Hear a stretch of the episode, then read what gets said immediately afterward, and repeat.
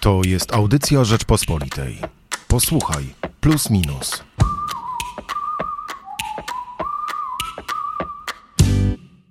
Dzisiaj porozmawiamy sobie o najnowszym wydaniu magazynu Plus Minus w redaktorskim duecie. Michał Płociński i Hubert Salik. No, coraz częściej mam wrażenie, Hubert, ponownie można powiedzieć, jesteśmy w tym duecie. Bardzo się cieszę. Mam nadzieję, że nasi słuchacze także. A w najnowszym plusie minusie bardzo różnorodnie. Na pewno jest co poczytać.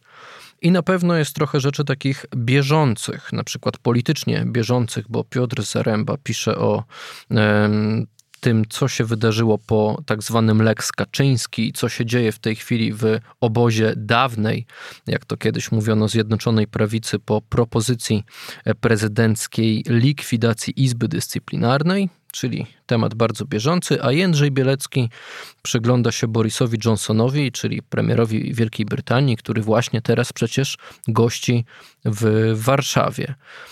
Ale jak spojrzymy na kulturę, to też e, niestety bieżąco. Niestety, bo o artystach, którzy od nas odeszli. Jarosław Marek Rymkiewicz, o nim pisze Janek Maciejewski, nasz redakcyjny kolega, i Marek Dusza, czyli dziennikarz jazzowy, pisze o Zbigniewie Namysłowskim.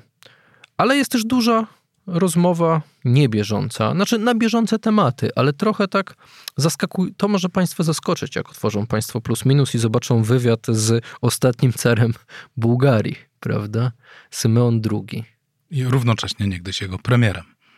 Tak, a carem był chyba do, nie wiem, dziewiątego roku życia?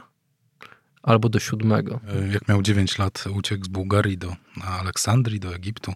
O co zresztą pyta Bogusław Hrabota, który ten wywiad przeprowadził, idąc śladem prozy Lorenza Direla. I o czym to jest e, tak naprawdę rozmowa?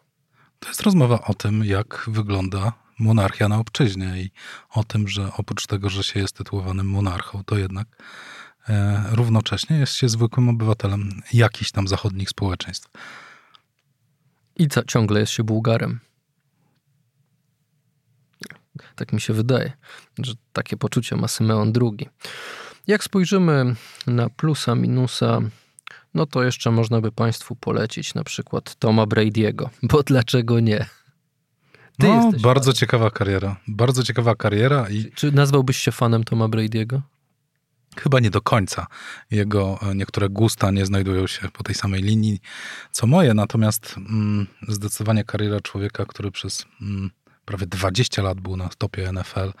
E, w zeszłym sezonie w finale Super Bowl spotkał się z swoim potencjalnym następcą, e, który przejmuje jak gdyby pałeczkę po nim Patricku, Patrickiem Mahomesem z Kansas City Chiefs.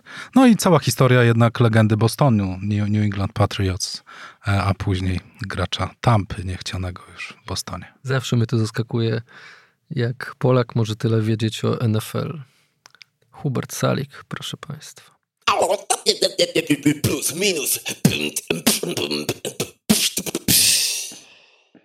A teraz przejdźmy do tematu numeru, bo jak spojrzą Państwo na naszą okładkę, jak zresztą co tydzień, to zawsze mamy tak, tak zwane danie główne, czyli temat, któremu przyglądamy się bliżej i któremu zazwyczaj też bliżej się przyglądamy w naszych e, podcastowych rozmowach. Ja rozmawiam z Michałem Łuczewskim. Takim punktem zaczepienia do tej rozmowy, otwierającej najnowsze wydanie magazynu Plus Minus, jest ruch zwany antynatalizmem pewne zespół poglądów, które sugerują, że posiadanie dzieci jest niemoralne.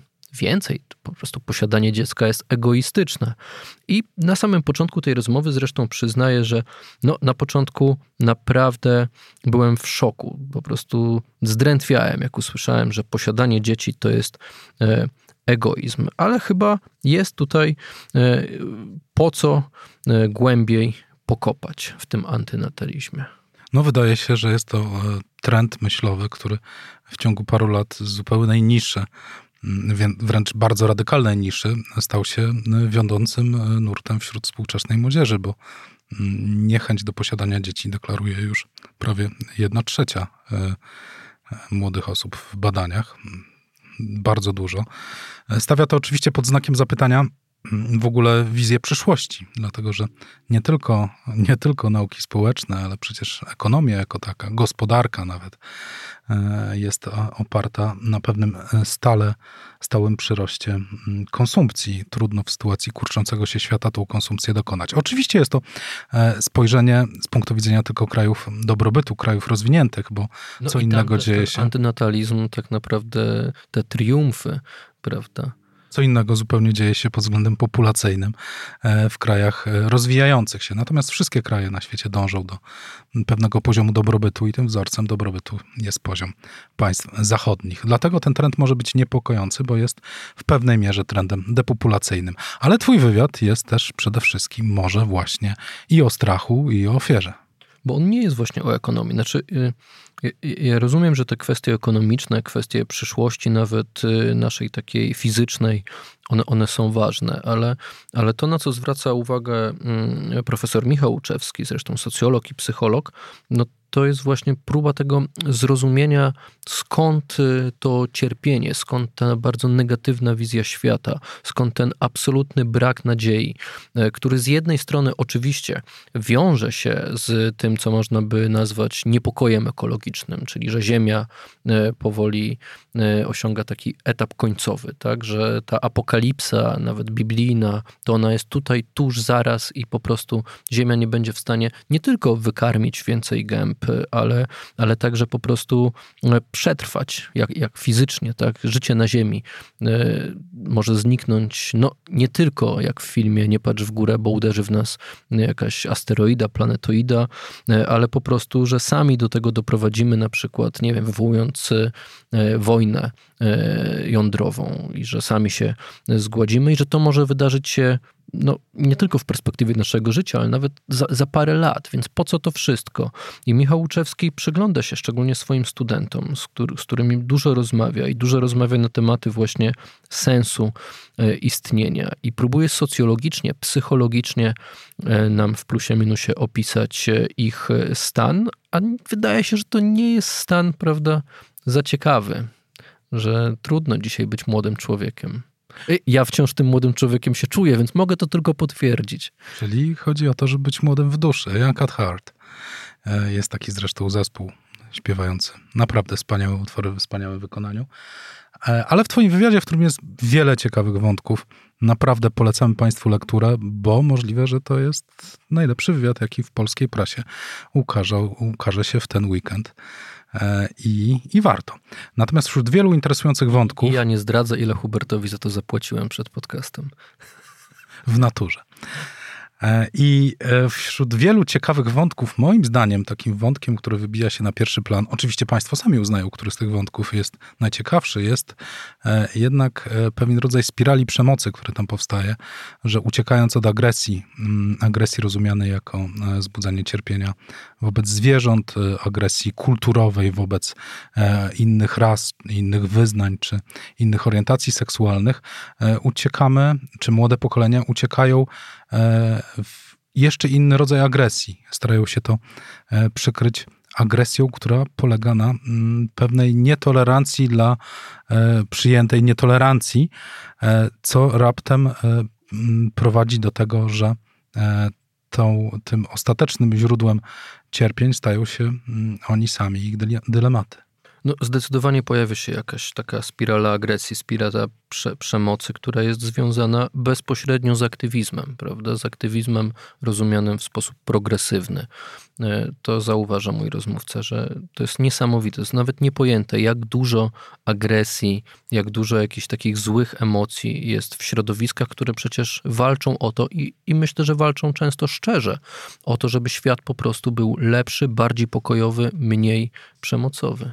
To właśnie jest bardzo ciekawe, że e, walka z agresją, e, absolutnie nieuzasadnioną e, i, i agresją, która nie powinna być miejsca, i przemocą, prowadzi do innych rozwiązań przemocowych, takich jak na przykład cancel culture, w imię pewnego, no, myślę, że dosyć rozumnie pojętego dobra i w głębi tak naprawdę, i o tym mówi Michał Łuczewski, kryje się ludzki strach. Strach przed byciem osądzonym i strach przed cierpieniem, które temu towarzyszy. E, I w pewien sposób zmierza w ten sposób do, do, e, konstatacji związanych z tym, że niektóre rzeczy i odpowiedzi na niektóre rzeczy odkryło wcześniej, wcześniej chrześcijaństwo, a będący jego emanacją Kościół, choć jest zdecydowanie nie, nie, mm, nie spełnia wszystkich tych norm, które, e, które mogłoby chrześcijaństwo narzucić, czy które chrześcijaństwo wymaga. E, koniec końców e, jest pewnym rozwiązaniem tych dylematów, powiedzeniem sobie, że oprócz tego zła, które w sobie nosimy, większość z nas nosi, grzechu pierworodnego jest również dobro i umiejętność odkrywania w sobie dobra może być wyjściem z tej spirali agresji. Ja oczywiście nie pierwszy raz rozmawiałem z Michałem Łuczewskim, wręcz można by nasze rozmowy z ostatnich ośmiu lat y, ułożyć w pewną całość i pokazywać, jak zmienia się świat i jak ten świat próbujemy coraz lepiej, mam wrażenie, interpretować, czyli tą rewolucję społeczną, bo to jest rewolucja społeczna. żyjemy w czasach rewolucji, którą możemy sobie nazywać cyfrową, internetową, ale zmienia się absolutnie społeczeństwo. Kolejne pokolenia mają coraz mniej e, wspólnego z, e, z poprzednimi i nie tylko, tak jak to zawsze się dzieje przy zmianach, prawda, że, że po prostu pokolenia wiadomo, że są nowe, ale tutaj nie ma tak naprawdę już w tej chwili myślę, że jest na świecie pokolenie, z którym, z którym my nie mamy nic wspólnego, a my wcale najstarsi nie jesteśmy. Nasza rozmowa jest w ogóle tego przykładem, bo jak Państwo pamiętają parę minut temu, e, siedzący tutaj obok mnie Michał Płociński podkreślił, że on jest młody. Co tak. staje oczywiście w opozycji do mnie, bo jeśli on jest młody, to i on musi to podkreślać. Tak. E, no to, co teraz poniekąd jest żartem, e, jest pewien, pewnym rodzajem komunikacji e, przemocowej. Ona stawia między nami barierę. Młodość, starość i ta bariera e, im bardziej się rozwija, im bardziej budujemy na tej barierze naszą relację, mm, teoretyczną oczywiście relację, e, tym więcej może się w tej przestrzeni e, pojawić mm, agresji i przemocy, z której najprawdopodobniej długo nie będziemy sobie zdawali sprawy, zanim nie przekroczymy pewnego punktu. E, I to jest bardzo ciekawe e, rozważanie, e, któremu sporo miejsca poświęcił Michał Łuczewski, dużo głębiej traktując temat niż my, redaktorzy Plusa Minusa. Tak. A ja chciałem powiedzieć, że właśnie z tych, wiesz, z, ty, z tych rozmów, które no, są, są do, do bólu chrześcijańskie, bo Michał Łuczewski jest jednak myślicielem chrześcijańskim, prawda? E, przebija się jedna ważna myśl, którą, którą teraz dopiero sobie tak wyłuskałem, spisując ten wywiad i, i, i wręcz ją bardzo konkretnie ułożyłem w tym wywiadzie, że to chrześcijaństwo jednak przyniosło nam, ludzkości, zrozumienie E, jak bardzo skomplikowana jest natura człowieka. To chrześcijaństwo rozłożyło na czynniki pierwsze te wszystkie mechanizmy, jak się rodzi przemoc w nas, dlaczego relacje ludzkie są oparte przede wszystkim na agresji, na strachu. I to chrześcijaństwo dało nam jakieś takie narzędzia, oczywiście narzędzia niedoskonałe, e, jak sobie z tym e, radzić. Często metaforycznie, a często wprost, po prostu dając nam konkretne przykłady relacji, jak powinniśmy się zachowywać już, nie wiem, z miłością bliźniego, prawda? E, kochaj bliźniego swego jak siebie samego, miłuj e, i, i, i, i, inne takie e, zasady, a my nie do końca dzisiaj jesteśmy w stanie ten język chrześcijański w postchrześcijańskim świecie rozszyfrowywać. Dla nas to są już wyłącznie jakieś archaiczne e, rytuały, które uwłaczają naszej e, współczesnej, naszemu współczesnemu rozumowi. Niestety pozbywając się tego rozumienia, które dla ludzi 2000 lat temu było rewolucyjne, dla nas jest dzisiaj przestarzałe, e, sami nie rozumiemy, przestajemy rozumieć te mechanizmy i wydaje nam się, że rzeczywiście jesteśmy w stanie sami poradzić sobie z własną naturą, jakby nie stawiając jej czoła, prawda? Że to nie jest żaden problem, że my już jakby jesteśmy na innym etapie rozwoju, a, a, a wszystko, co się dzieje wokół nas, udowadnia nam dzień w dzień, że wcale tak nie jest i że my wręcz cofamy się do tego przedchrześcijańskiego rozumienia świata. Możliwe, że w tym tkwi cały paradoks ludzkości jako cywilizacji, jako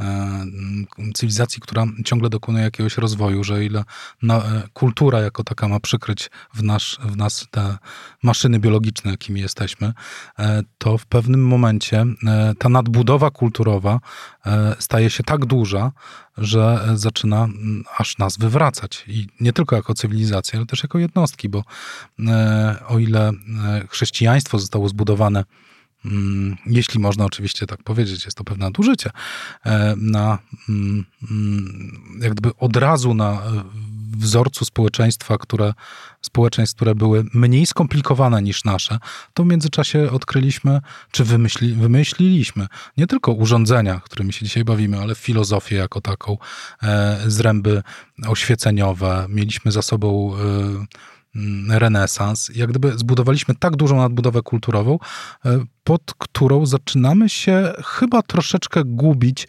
tracąc tą e, wizję początków. Może ta wizja początków dla wielu ludzi być niesłuszna. Okej, okay, ale musimy gdzieś znaleźć nić porozumienia, żebyśmy razem dalej tworzyli wspólnotę. I widzisz, i na koniec dochodzimy, mam wrażenie, do najważniejszego pytania, jakie powinniśmy sobie stawiać, i, i, i myślę, że nie stawiamy go niestety w ten sposób, y, raczej, raczej w ogóle go nie stawiamy, mamy od razu gotowe odpowiedzi. Na ile kultura, to co nas otacza, wytwarza złe rzeczy, czyli powoduje relacje przemocowe, a na ile ta kultura jednak nas chroni przed y, ludzką naturą i jej złymi y, aspektami. I pewnie tutaj nie ma prostej odpowiedzi, ani konserwatywna odpowiedź, że trzeba zachować jak najwięcej z kultury, bo to nas chroni przed złem, ani rewolucyjna, progresywna odpowiedź, trzeba jak najwięcej zniszczyć, bo to ta kultura wytwarza wszystko, y, co złe. No, totalitaryzmy XX wieku pokazały, jak to zjawisko jest skomplikowane i jak mm, tak naprawdę niewiele wiemy e, o człowieku, e, dopóki nie dojdziemy do punktu zwarcia i do momentu, kiedy mm, ta agresja zostanie z powrotem wyzwolona.